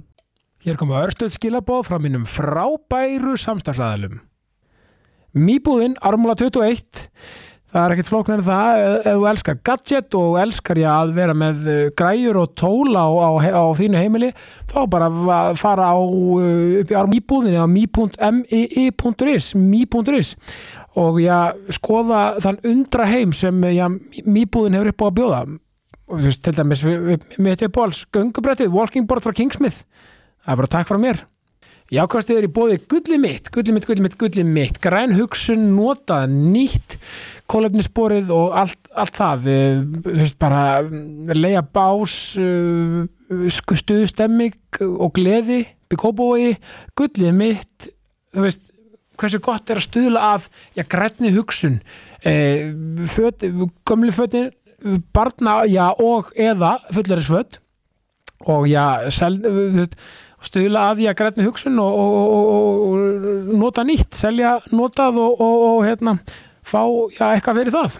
Bara geti ekki verið betra, gullið mitt, takk fyrir mér. Sittir í indislegu samstarfi með uh, splungu nýjum samstarfsræðalum. Dressmann Ísland, Dressmann, dressmann.com, uh, Dressmann er í Glerartorki, Kringlunni og Smáralind, Glerartorki Akureyri þá og þetta Kringlun og Smáralind og já, það er allt að gerast á Dressmann. Uh, það, er, það er alltaf eitt til tvö tilbóð í gangi hverju sinni og eh, eru, já, þeir eru alltaf með þrý fyrir tvo sokkum og bólum, bara allt árið þannig að það vantar ekki á, upp á tilbóðin sko. Já, þau eru núna frá 15. februar til 7. mars eru tilbóð á jakkafötum þannig að um að gera nýta tíman þá og huga fermingunum og hvort sem er að fermast eða, eða fara í fermingu eh, er með, þeir eru með stærðir niður í, í 40 þannig að það er bara algjör snild og já, bara, þú veist dressmann, dressmann, þetta er þetta er svo flott brand, þetta er svo þetta er föt fyrir alla svo þetta er dressmann með mikið úr, úrval af peysum, það er 40% afsláttur þakka ykkur fyrir já, eh, 29. já, þá 29. janúar og það gildir til miðjögudagsis 14. februar, valentins og dagsins, takk fyrir mikið úrval af peysum og peysutilbóð 40% afsláttur, takk fyrir e, já, og það er allt í bóði í Dressmann, þannig að það er bara Dressmann e, Glerartorki Kringlun og Smáralind bara takk kærlega frá mér og jákastinu, Dressmann. Og þegar þeir tapa bolta eða lenda í ykkur mótlæti það er aldrei verið að svekja sig það er bara, það er allt sett í, á, á, á fullt. En, enginni liða Pep Guardiola að hann losa sig vil til leikmenn þegar hann sér hvernig þeir bregðast við þegar þeir tapa bolta þegar þeir hætt að vera á 110% Einmitt. að þá segir hann þessi er hún sattur og þá fer hann frá mér þannig að ef við tökum uh, lið sem er svolítið anti, ég er púlari Já. uh, fyrir mig hérna bæinn sem er mjög okkur Mans, Manchester já, já, og tökum starra liði sem er ekki starri í dag. Nei, nei, á svona heimsmæli á- hvar Já, kannski þeir var ánað með þetta United menn. Að- hérna en, en það er náttúrulega já, það er bara, það. og eru öruglega eitt stærsti bara svona markas Já, bara eitt stæðst í heimi. Já, já. Bara, við verðum bara að kingja því liðbúlmenn því miður, já, já, og, og, og hérna ef við horfum bara hvernig þeir hafa verið núna í sumar. Eða ég vetur að það sé ekki já, að þá er búið að vera rosalega algengt lili líkanstjáning Já. Menn hætta upp með hendurnar bara endalust, það er aðeins núna upp á síkasti þar sem maður hefur verið að sjá eitthvað að gerast, það er bara svona já, herðu, það er að mynda slið smá neista svona. Já, ég bara, veist, eiginlega mjög lí, bara eiginlega engin líkanstjáning svona neikvæð líkanstjáning og líka svo sérðu að það hefur verið að tækla bolt út af high five, chesta saman menna fagna. Þetta er lið, já, enda um leið byrjaði að svona koma svona performance algjörlega. Að þetta þarna kemur náttúrulega líka uh, veist, stjórnandi ef þú ætlar að fá menn til að gera okkur hluti og þið gera það ekki, hvað þarf þetta að gera? En, veist, það, það þurfa að vera afleiðingar og, og í fótbolta eina leiðin sem þú hefur sem þjálfari svona alvöru leiðin er að taka menn út úr liðinu einmitt, eða spila þeim ekki. Til þess að þeir átti sig á því og að ert með bestamannin sem gerir ekki það sem þú vilt að hann geri og þú gerir ekkit í því þá getur karan til að allir hinn að gera það sama. Það þurfa að gangi yfir það sama og leið og menn sjá það, herri býtu hann tekur, hann tekur Ronaldo út af býtu, þá þarf ég að hlaupa líka veist. þannig að þá kemur svona þá, þá er það bara þannig, en þarna kemur líka í þessum stóra að, og ekkert bara í stóra þarna þarf líka þeir sem er að stjórna hana að bakka, þeir búið að vera svolítið vesin hjá United þeir eru fljótur að henda stjóra núna einmitt, hafa verið en, en þá þarf að vera alvöru gefa stjórunum valdið leið og hann er með valdið og þannig að, og tíma. Já, og tíma að byggja upp. Þar segja að þú veist að þessi er að gera góða hluti. Þú sér það bara á æfingarsvæðinu er hann að gera eitthvað að viti. Og, og, og ef þú ert með alvöru yfir mann íþróttamála þá er hann að fylgjast með, hann er á einmitt, veit hvað er að gerast. Einmitt sko, það er auðlust að eins og Ten Hag hefur tekið Bruno Fernandes í gegn. Ég var á 7-0 leiknum, fræga. Mér alveg konunglega. Þó var engin bjóri í blóðinu Já. það sem þetta er ekki. Já, hérna, gott að nefni líkastjáningu þegar líkastjáning er bara í öllu Já. svolítið svona, svona já, upp, svona upplýsingagefandi, maður bara segir svolítið hvernig staðan að þeir er. Þú veist, 50. mínútur sem leik. Það er ekki nema 2-0 já, eða 3 þú veist, það er allt hægt. Hann er fann að baða höndum og líku við byggja skiptingu, já, fyrirlið. Þetta, þú veist, hvar, en, þetta endar ekki nefnir 7-0 sko. nei. líku þú veist, þetta er svo von já, já. En, en þetta er maður bara búin að sjá að því að hann er frábær leikmann Frá, algjörlega, og hann hefur ekki gert það síðan Nei, en, en málið er bara það að, að, að hann hefur verið svo, svo leikmað sem hefur verið svona þú veist, þegar Ronaldo var og svo hefur Rassort verið mjög mikið í þessu svo hafa verið með svona, það er svo margir leikmenn sem hafa verið í þessa og tala hann ekki um með bestu leikmenn og þeir gerir þetta líka, hvað þá með fyrirlegan og alla þá virkar þetta ekki, það er ekki, það er ekki hægt að segja heyrðu, það er átta leikmenn sem er að hlaupa. Ef þú komin í alvöru fótbolta þá þarftu alla 11 að vera í standi. Já, líka, er þetta ekki bara þannig frá því, bara, bara frá því þú ert að spila þetta er svo allt annað landslæg þetta er allt í tölun, þetta er allt þú, veist, þú þarf að vera svo ógæðslega góður laupar með lungu veist, þetta er ekkit gríni, þetta er náttúrulega maður sér að bara hérna, eins og þið voru að spila sumar notum henni frábært sumar hjá Val verðandi valsari og mér veist umræðan hafa verið svolítið já neikvæð í garð þessa annarsæti þetta var bara Evrópa Já, og bara Já, náttúrulega út af því að vikingur svolítið svona vissulega, en þú veist bara fókbalti sem voru að spila og sko mér finnst levelið enn á Íslandi mér finnst þetta rosalega gott level. Þú veist, skiljur menna, þá tala ég með svo varandi hraða og hlaupa og svona, allan að, allan þessum toppliðum. Já, já, já, já ég meina við, við erum alveg farnir að, að veist, munur kannski ef þú ferð ef við tökum bara total distance þá erum við stundum að fara meira heldur en veist, þessar bestu deildir. Já, en, en það sem okkur vantar upp á það er svona high intensity hlaupin það er bara meiri hraði og meiri ákeð ef þú fer út. Já, það er þegar íslenskulegin fara að spila mútið betri leðanum að við kópum ekki. Það er bara, þá hækkar allt þeir geta hlaupið veist, meira á herra tempói. Já, við, þegar við frum í, í sprettmetra yfir 20 km þá getum við bara ákveðið mikið og þá þurfum við að recovera og það tekur lengri tíma. Og leður dórnum þreytur, þá gerum við mistök. Já. Og og, þá var bara, bara að spila í gegn og bara já, mark já, og en, en bara við tökum bara núna þessi lið sem hafa verið uh, núna síðustu allavega svona konsistant síðustu ár breyðablík og, og, og vikingur að þá hafa þau verið að gera flotta hluti líka í Evrópu. Og hafa þó, þó að menn hafa verið að segja að vikingur er ekki eins því, jú, jú, þeir hafa líka verið þó að kannski ekki verið að slá mikið en þeir hafa verið að gefa veist, heldur betur leik- en við Já, Legg Bosnan minnið að vera Legg Bosnan það sem þeir fóru í áttalega frekar en sextánlega í Conference League. Algjörlega. Og þeir fari í vítarsmenni kemni þar. Þannig að, og móti ríka liðinu mantaði mark upp og hér og það var flott lið.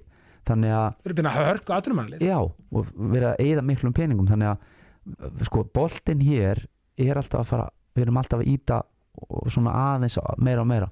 Þannig að það er bara, veist, mér, mér finnst þetta mér, mér finnst levelið verið miklu, miklu betra.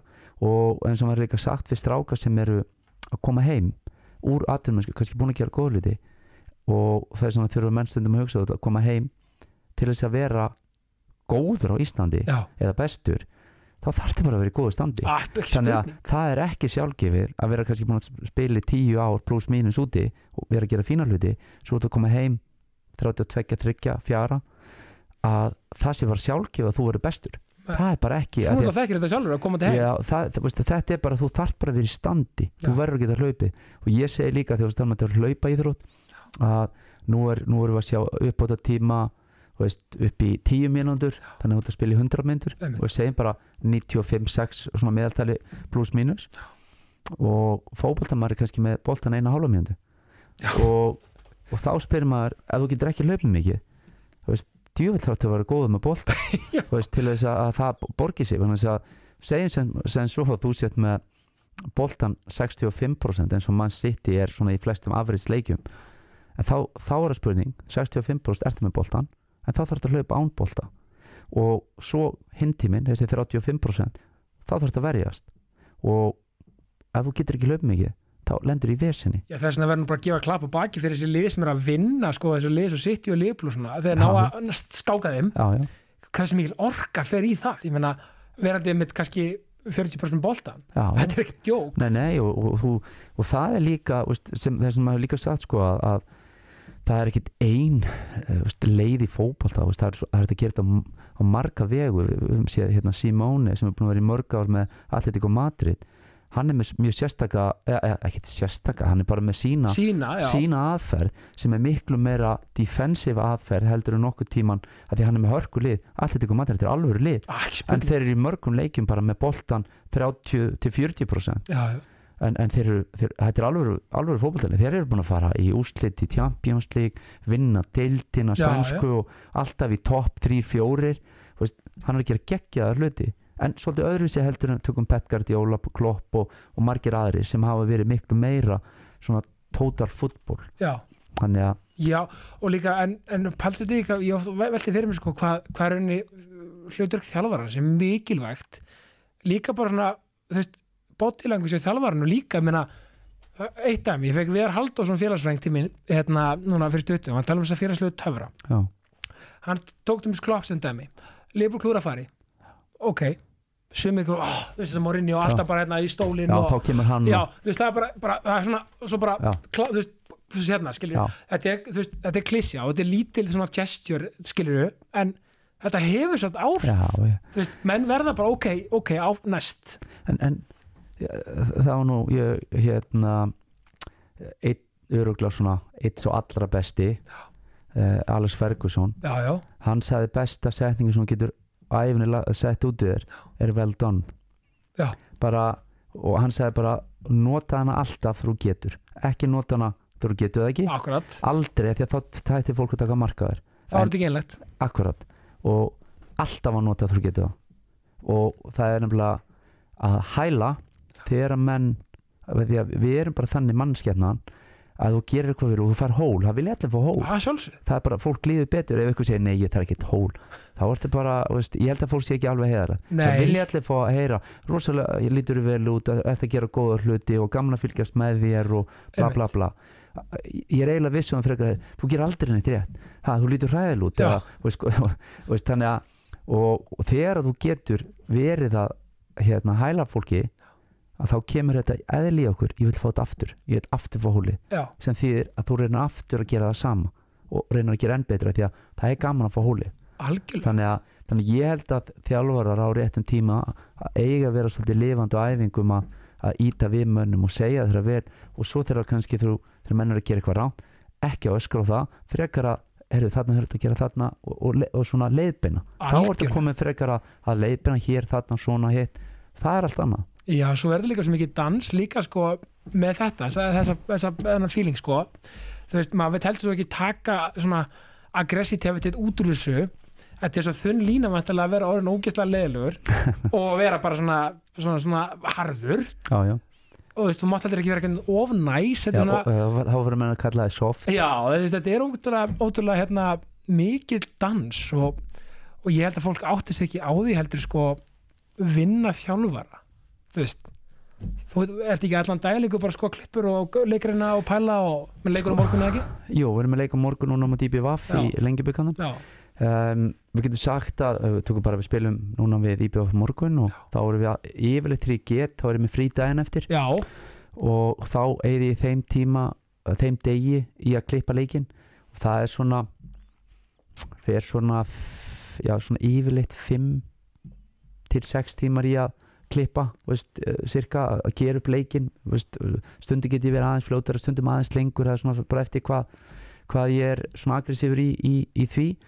Og, og þetta er raunur svona mesta, mesti tímin, ég eigði mest í þetta.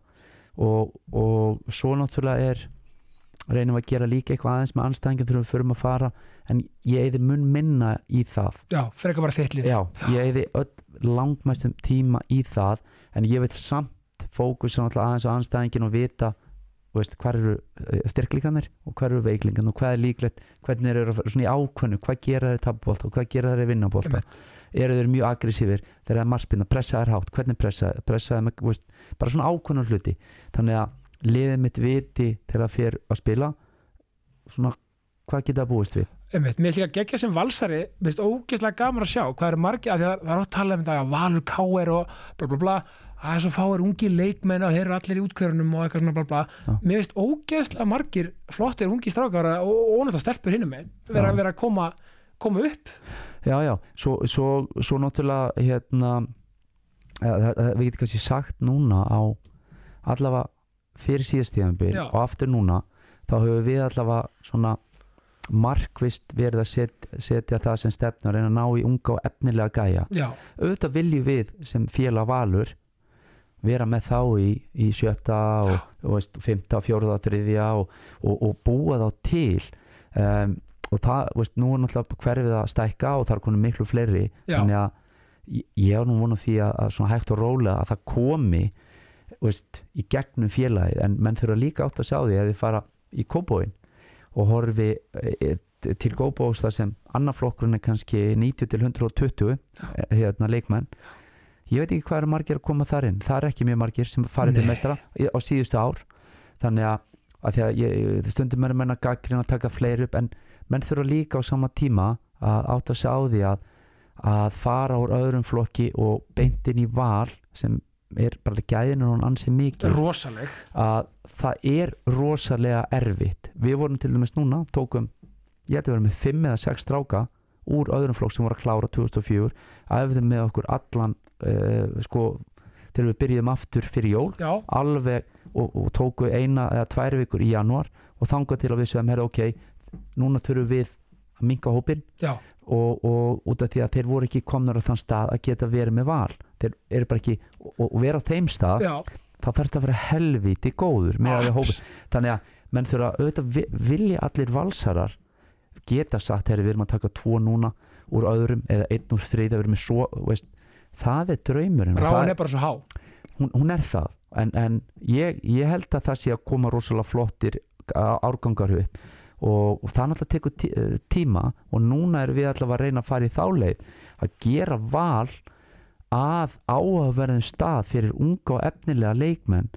Þá er ég að tala um leikmenn kannski sem er ekki breyðablík og viking og í þessum liðum sem eru kannski að keppum vera mestari þetta er í aðeins minni að, að við viljum gera okkar val að spennandi kost heyrðu, eitthvað fyrir unga gæja 18-19 ára já, heyrðu byrju, eitthvað frábær ungur hérna, mér langar kannski að taka eitt eða tvö ár með val og taka næsta skrefi til að fara svo út. Akkurat. Og það held ég sé líka mjög flott að þá getur við verið svona stepping stone fyrir unga og efnilega að koma til okkar að því að við getum búið upp á rosalega flotta umgjörð og alltaf að keppa með hvað, verið í Evrópu og, og það er bara, við þurfum þannig að ég oft talaði um að, að fótboltin eins og við tökum bara sem hafið fæðikeðan, hvar eru við? Við erum svona eins og líti, lítill fiskur. Já, og, og, og veist, bara leiðu fyrir Norðurlöndin, Skotland og að- þá eru við konir fyrir ofan okkur. Já, og eitthvað eitthva sem, eitthvað lið sem kemur þar þá er það meira aðlandi heldur en verið hjá okkur þannig að við þurfum bara átt okkur hvar við erum stattir Valur er aftur á móti stór í fæðikeðun í Íslandi. Ekki, menna 26 titlar taka- nei, 22, 3 titlar. Já, já, ég er að segja við erum bara risastórir og við erum líka bara klubburins per se bara ef við tökum núna hvar við stöndum við erum alltaf með mjög marga titla en bara félagi hvernig það stendur í þetta það er, það er voða erfitt að keppa val bara ef við tökum um bara umgjörun og allt í kringi já, og nú kem ég fá mjög flottu félagi breyðablík að, að Valur er bara rosalega sérstætt félag og Já. rosalega flott félag þannig að þetta þurfum við að reyna að nýta til að fá góð og efnilega stráka í allt, ekkit bara endilega í fótboltan hvern og kalla og, og ég held að það sé verið að gera þetta svolítið markvist í, í hinumdeildunum líka. Er þetta ekki bara svolítið svona veist, ég get ímyndað mér, þetta er svolítið að, að vinna þarna, þetta er svolítið bara fjölskyldu, veist, þetta er bara valst fjölskylda, maður er bara svona, þú veist, hittum við hérna þjálfvaran í hinu dildunum, þetta er svolítið skemmtilegt sko að ekki umhverfi. Það er bara ekki að gera ég, er búin að njóta þess mjög mikið að vera þetta niður frá bara ríkala mikið góðu og skemmtilegu fólki og var bara núna við æfðum í, í morgun núna í Eigisvöll og svo komum við upp á, upp á hlýðarenda og, og þá er frændi manna Gunni með fjósið og, og, og þá er Snitsel, var hann með þar og, já, og þá, þá fór maður þanga og, og, og geitt þessi mat og og hérna, ég, var fullt fjósið af völsurum, gömlum völsurum og ungum völsurum og þetta er bara geggjað. Geðveikt sko. og þetta er gaman og þetta, þetta er svolítið það sem Valur er með svolítið svona sérstöðu og, og, og sem er gaman. Já, þegar gengur vel, þá er gaman sko. já, og, og, og það breytir kannski þessu kultúr líka stundum hjá stuðnismönnum að veist, mætum á völlin þegar veist, ef eitthvað bjátar á. Já, og já. styðjum og skiljum. Bara höfum svolítið tökum jákastið á þetta. Veist, höfum svolítið svona þú veist, Þa, það er nefnilega máli að, því allt spilir þetta saman. auðvita og, og, og maður er oft sagt sko að að, uh, þegar gengur vel þá þarf enginn að fá klapp á baki Nei, allt, það, það flýtur allt. það flýtur allt. En þegar hlutir eru kannski svona við það vantar smá smörningu það er ekki alveg að, að þá kannski skipti máli að það sé stöðningur að, að, að, þá það kannski ítir hlutunum að áfram. Ég held að fólk vannmeti stundum mátt stúkunar. Já, Hún, hann er rosalur við tökum bara uh, Viking, bara það sem þeir með eiga. Þeir eru búin að gera rosalega flotta hluti að það niður frá. Absolutt. Og rosalega flott umgjör þeir veist, í öllum leikjum með fulla stúku og bara gera marga rosalega flotta hluti. Já, bara, veist, ég, er bara, ég er ekki bara að tala um minna vellinum ég er að tala um fyrir utan líka. Akkurat. Þannig að, þannig að það, þetta, þetta helst allt í hendur veist, það er umgjörðin og allt bara í kring. Veist, valur er náttúrulega með allt í alls gaman að sjá bara veist, hvernig karvan og handbóltin og allt. Og nú er það að fara í, í Evrópu keppnin í handbóltónum og það. Ég held að þessi leikur sunnudaginn og nú náttúrulega langa efstir í korfunni bara, hérna, bara sama aftur og aftur handbóltin í kvenna og, og, og, og líka kalla. Þannig að, þannig að bara geggjað og, og það er greinlega hugur í ykkur fyrir móti því að sko, það er ekki nema tveir mánuðir í mót og, og, það er svo fyndið það er alltaf að tala um sko um þetta í mörgum það var svona, já, valsmenn er ekkert að bæta við sig hvað, svo sem þarna þessi tvö lið þarna, á, það var fóf.net setti sko, á B eitthvað, það voru líka sé sko, Já. bara fyrir ekki hvar, hvar það var að styrkja, þetta er að hópur Já, já, já, já sko, má- málið er það sem menn kannski gleyma líka að, að í fyrra að það tekur oft tíma þegar að koma nýju þjálfarar að, að svona setja sín, svona, svona sitt handbrað á eftir því sem þú ert búin að vera lengur að þá ætti hlutin að vera betri og betri og betri. Eða þú ert alltaf að gera sama hluti en það verður þú betri og kannski líka að þar í fyrra ef við tökum þrjáleikmenn sem Patrik Pedersen fór í aðgerð í lók februar minni mig eða í byrjun eitthvað svoleiðis. Já. þannig hann uh, var meittur bara vel inn í móti. Tryggvi Rapp var líka að basla með meðsli núna er hann búin að vera heill alveg. Uh, Orri Sigur var meittur langt fram á langt inn í mót. Einmitt. þrýr alvöru gæjar þannig að þarna ertu með þrjá gæja sem eru með frá byrjun og þannig er bara með þrjá gæja sem skipta tölurmáli og jújú, jú, við hefum mist hérna Haug Andra Rúnar og, og Hlyn Frey. Ég að sé ekki að gleyma einhverjum. Birkir var svona spurninga Birkir Már en hann, hann kom heim í dag Einmitt. og frá þessu erum við búin að fá hérna það sem við tókum í sumar Gísla Lagstall uh, Unnas og svo ertu með Bjarnar Guðjón Þorstein hérna Aron. Góða fréttir á honum. Já, veist, þannig að uh, bara leiðilegt að hann skuli hafa veist, meðist uh, hérna og mist tvo mánuði Já. hér, veist, Í já, sko, já. sem hann hefur þurft að fá Já. en alltaf er rosalega flottur strákur og, já, og spennandi strákur fyrir, fyrir framtíðina. Um, þarna eru þrýr svo Jakob Frans, fjórir og Jónatan hún að síðasti. Þa, það eru komið fimm. Já, við erum með þrjá gæja sem, sem hérna uh, fór út. Uh, Haukur náttúrulega var í miklu minni rullu í fyrra heldur en nokkuð tíman það sem hann hefur verið. Hann náttúrulega geggjaðu gæji já, um, en, en var, hann náttúrulega spilaði stóra rullu fyrir utan veist, í, í klefunum og Já. æfingum og öllu. Og minna hérna inn á vellinum en rullan hans var samstór en nú er sem betur fyrir hann er áfram hérna. Þannig að hann spilar ennþá bara á annan hátt. Algjörlega. Uh, Andri Rúnar spilaði náttúrulega svolítið stóran svona rull til að byrja með og svo minkaði það er kannski sá sem hefur spilað nánast langt mest sem við erum kannski að það er hlinur Já. en við erum komið með fimm gæja raunur inn og erum kannski að skoða einn í viðbútt þannig að í fyrra voru við í basli með hafsenda því að fórum inn í móti og voru ansi margir meittir já, og vorum ekki með marga orri Sigurður var meittur þannig að við máttum rosalega lítið að bregða núna erum við með fjóra. Og ég ætlum fimm því að við erum með Orra Sigur uh, Holmar, Ella uh, og svo erum við með Þorstein Aron fjóra Já. og svo Jakob Frans sem getur spila hafsend og bakvörð Já, svo, svo, svo, svo er sko oft sagt sko, já, meðalaldurinn, El- Elli Helga og, hérna, og Hólmar, svo horfum maður alla hafsindana, þá er nú ekki hár meðalaldur. Nei, nei, þú, þú, þú, þú, þú ert með Þorstein Aron ha, ha, hann er 2004 Já. þú ert með Jakob Frans, hann getur spila hafsend spila bara hafsend eða hjá Kári fyrra Já. Hann er 2003 Akkurat, svo ertu með hérna, Orra Sigur, hann er 95 þannig að þannig, að menn með ekki alveg en, en þegar menn voru kannski að horfa þá, er- þá var það Hólmar, Elli Siggi já. og Birkimar gömul lína. Já, en svo eru menn bara í standi með að sjá bara þess að 32 ára aldrei Já. betri, þetta er oft svona. já, já, en, en, það- en það er bara komið skemmtilega eins og í fyrra. Þá voru rauninu bara með tvo bakverði það var Siggi og, Birkir. Einmitt. og þeir spila allar leiki En nú erum við með opsana. já, nú erum við komið bara allt annað dæmi. Nú erum við komið með sko þeir eru áfram, við erum með Gísla Lagstar sem hefur verið að spila núna að Birkir hefur ekki verið og hefur verið að standa sér gríðarlega en hann var náttúrulega tekin inn fyrst sem sem hérna kantmaður. Já, Slags- einmitt. en hann náttúrulega hefur ekki spilað bakur. Nei, þannig að hann er bara búin að taka svona þessa leiki núna og er að gera frábæra hluti þar. Já, já, og svo náttúrulega Jakob Frans. Þannig að þá eru komið fjóra. Einmitt. þannig að, þannig að við erum bara í allt annari stöðu þarna og svo náttúrulega erum við með þvíleika sankjarni frammi, við erum með sex alvöru gæja þar fyrir þrjá stöður. Já, ég, ég hérna kallaði góðan að geta hérna fundið út þessu á, á Þe- þetta er höfverkur já, það ekki. jú, jú, og þetta er, þetta er kannski það sem manni finnst svona leiðilegasta við það að vera þjálfari. Vegna þess að, að hvert einasta skipti sem hún velur uh, þarf að fara að spila þá þarf að hérna, velja starting 11 já, já, og þess að sjö á back og núna eru komin þennan hóp það verða þrýr til fjórir alltaf fyrir utan. Utan hóp, já, sem verður alltaf súper óanar allir og svo verður með ykkur alveg 100% á bekknum já, já, súper óana en þetta er bara partur í, í þessu að þú ert í alvöru liði sem ætlar að gera alvöru hluti já, þá þurfa mann bara að kingja stoltinu og spila fyrir liði og taka sína rullu. Og einan sem þú gerir að þú ert ekki að spila nóg æfðu meira, verður ekki ákvæður verður sjálfur Láta verkin tala. nákvæmlega.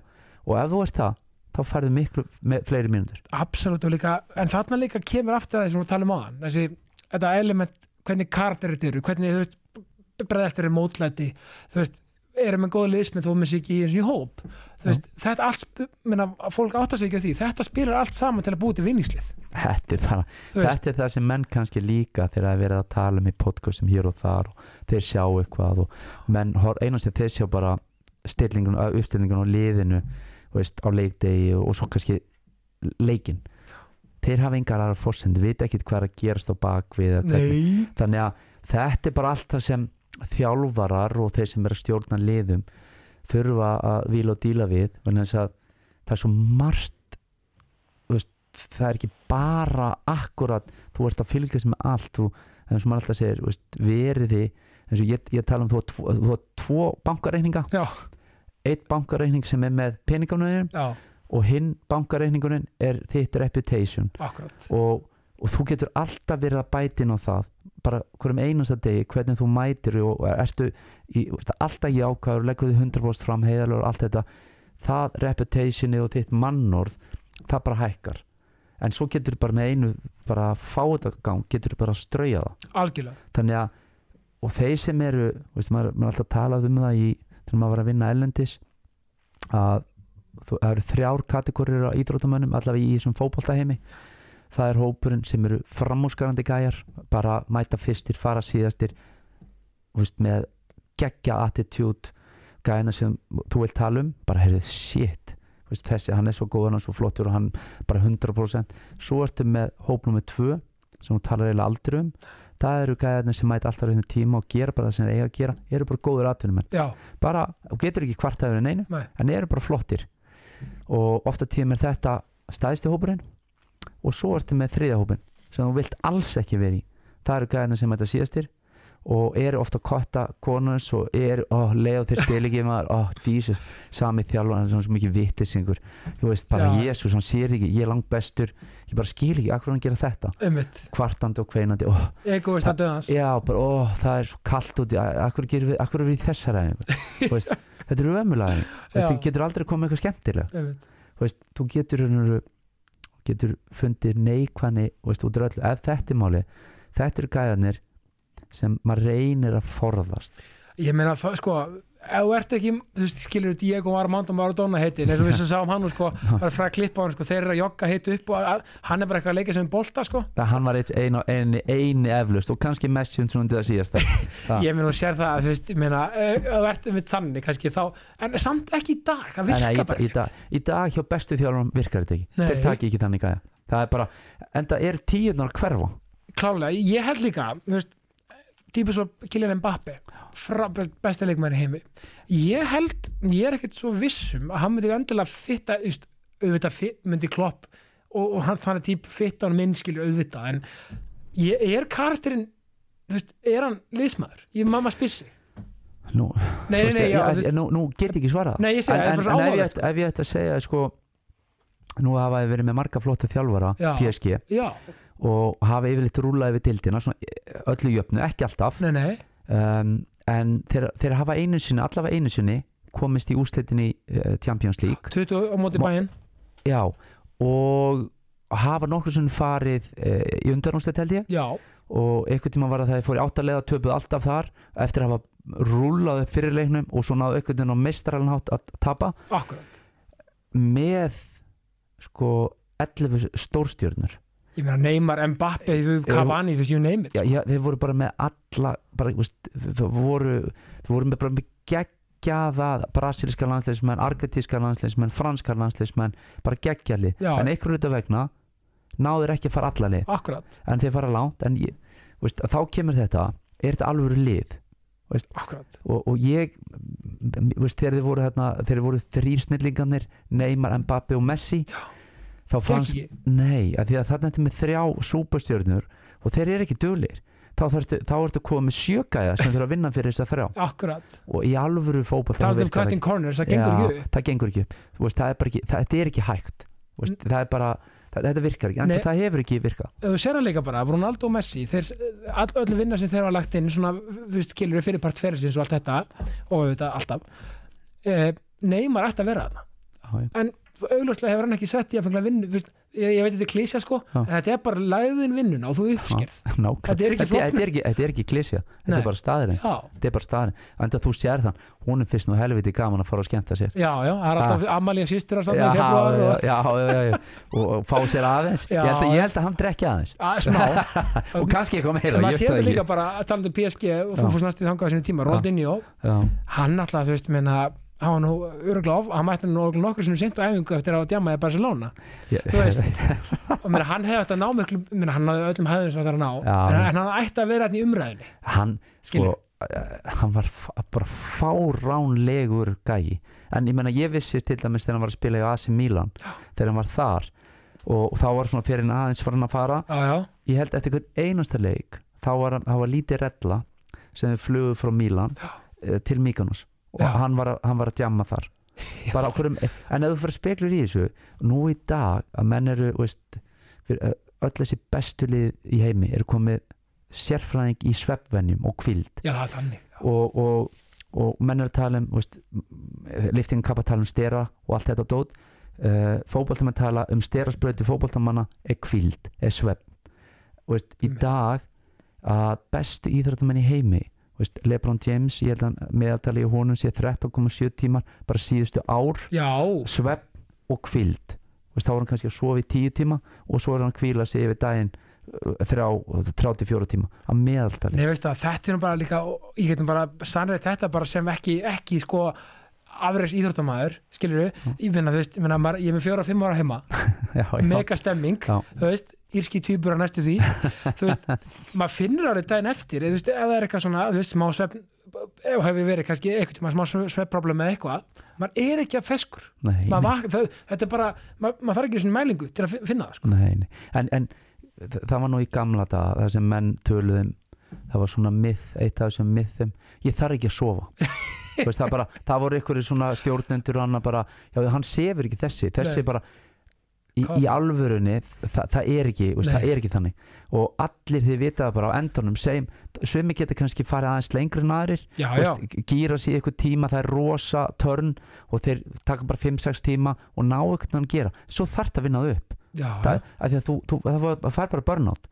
Og, og að það vita það allir sem er í stressmiklu jobbi að þeim er meiri svepp sem þú getur fengið og tekur þú betri ákvörðanir og ert minna svo, svona mútsving Já. það bara, þá ertu betur í stakk búin að taka við einhverjum guðsum á því Það þannig að það- lífið er ekki alltaf slett og, felt og þess vegna þarf að geta tekið á móti og ef þú ef þið líður illa ert andlega ekki góður, sefur lítið reyfir lítið, ert í slæmu á, bara physical condition og sefur svo jóanulega illa, borðar hérna ekki góða já, já, að, að þá er miklu líklega að hafa verða mótsving að þú bara ríkur upp og niður og upp og niður.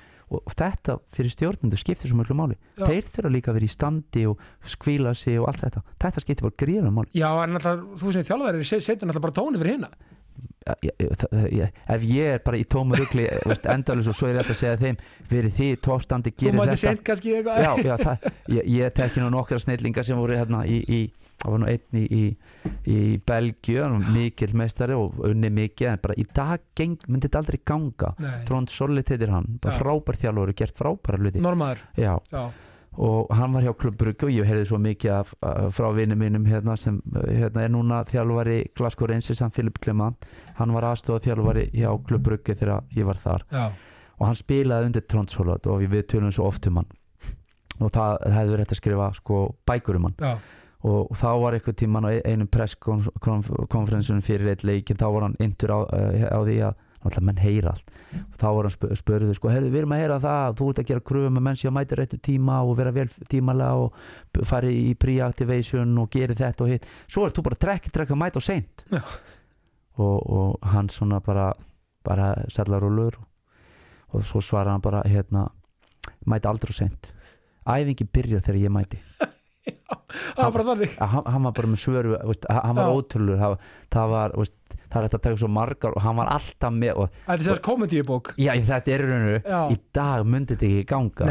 En, en svo er hann bara svona veist, og þetta er bara svona veist, þannig að og það er, líka bara þess að maður sé bara þess að drikkimenningu í 90s í Breitlandi já, já, þú veist, hún þú alltaf varst þarna á sín tíma í Glasgow. Já, þetta, með voru ekkert að taka eitt pænt sko, Nei, ég, ég, ég man eftir einu svona einn æfingu þá vorum við að æfa þá fórum við að Annes College og, og, og það var David Dodd sem var stórt nafn og hann var, kom frá Aberdeen og hann var orðin að koma svona, sí- svona síðustu spö, spölin að þá er oft svona skotan gerði þetta mjög mikið og ég held bara í Englandi þá var stór reytur þá voru þrýr inni og, og hann mætir og hann er fullur basic, hann Já, er fullur á æfingunni.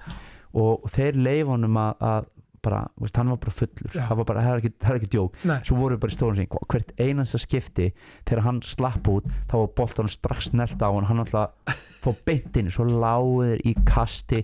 Og þeim fannst það bara að fyndi Já. svo alltaf bara eftir þetta og að taka smá uppbytun og svo þetta að þá fór hann að eldi og þá voru hann bara hent Já. í bíl og kert upp á, á Ibrox og þeim fannst þetta bara að fyndi þetta var ekkert mál. Og, og, og þjálfarinn bara var Já, hægt þeir, að já, já, þeir lóðu bara Já. þeir hana, þeir lóðu bara þessu. Það var ekkert, en ég menna í dag veist, ef þetta myndi gerast já, Já, sko þetta er fyrir að fyrsta, myndir aldrei fara út. Myndir Nei. aldrei mæta fullur æfingu Þa, þetta væri já, veist, ég veit ekki hvað myndi gerast en þetta, ég, ég, það verður það er gaman að sjá brottrist að sög já, já, ég, bara sjá Pep eða sjá Klopp og sjá þess að hvað myndi þið gera ég meina, það myndi allir aldrei fara á æfa. Nei, það hugsa getur líka, hugsa líka í dag sko. Þetta er náttúrulega erfiðar í dag fyrir leikminn að að slæpast það því að allir símar og er stjörnur og þú er bara tekinu það er tekinu að bara 0-1 já, þannig að að þetta er, þetta er stór ég, við þurfum að fá hann til að skrifa þessa bók það er svo marga Já. á honum að þetta er skemmtilegt. Að, ég held að þetta er bara frábær lokar hjá okkur. Ég hérna bara gangi ykkur ótrúlega vel í sumar.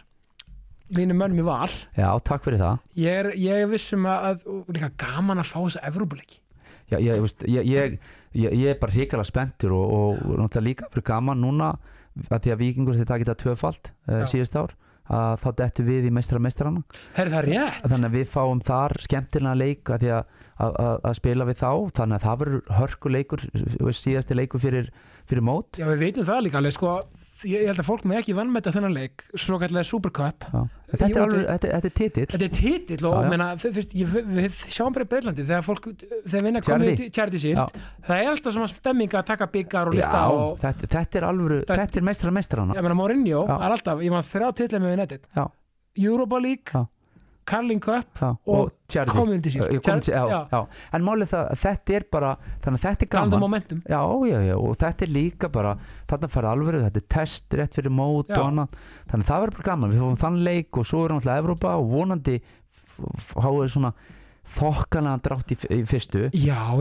Að vonandi getum við farið allavega einu ekki tvær. Það væri æðislega gaman. Hvernig er þetta ekki sko í, sko, þetta eru sko það sem þið byrjið er þetta ekki sko í faktist riðlakeppni er þetta ekki, ekki þrjár umferði pluss playoff ég, ég, ég held að við byrjum á fyrstu. Við erum bara í, bara fyrstu umferð for, forumferð. Já, og þurfa að taka eru þrjú þrjár. í ég held að séu þrjú og svo er playoffs. Ég, ég held að séu þrjár umferðir og pluss playoffs. Ef við myndum fara, þetta er svo, þetta er svo káa. Já, þeir tóku unnu fyrstu tvær og fóru svo í þriðjumferð svo fór klubb Brugge í, í playoffsleik við lið frá Spáni alveg, já það var Það- þannig. þetta eru fjóri, fjóri, fjóri leiki og sko. þarna líka, eins og sér, ef maður er heppin meina, maður getur bara lendað um þetta á klubbruggi eða eitthvað. Þú getur verið mjóapinn já, fengi alvöru lið.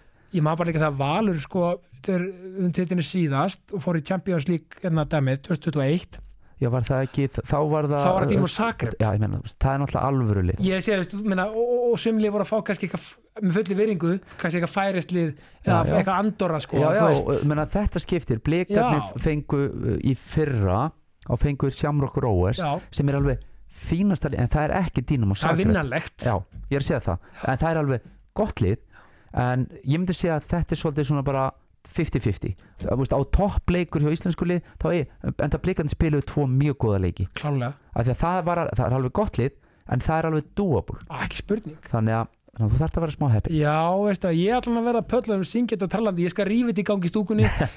Koma smá jákvæðin í þetta. Ekki það, það mun ekki þurfa að vera svo gott hjá okkur. Þannig að ég segi bara að þið takk kjærlega fyrir komuna. Takk fyrir mig. Og ég segi bara eins og alltaf í lögin, ástafriður Takk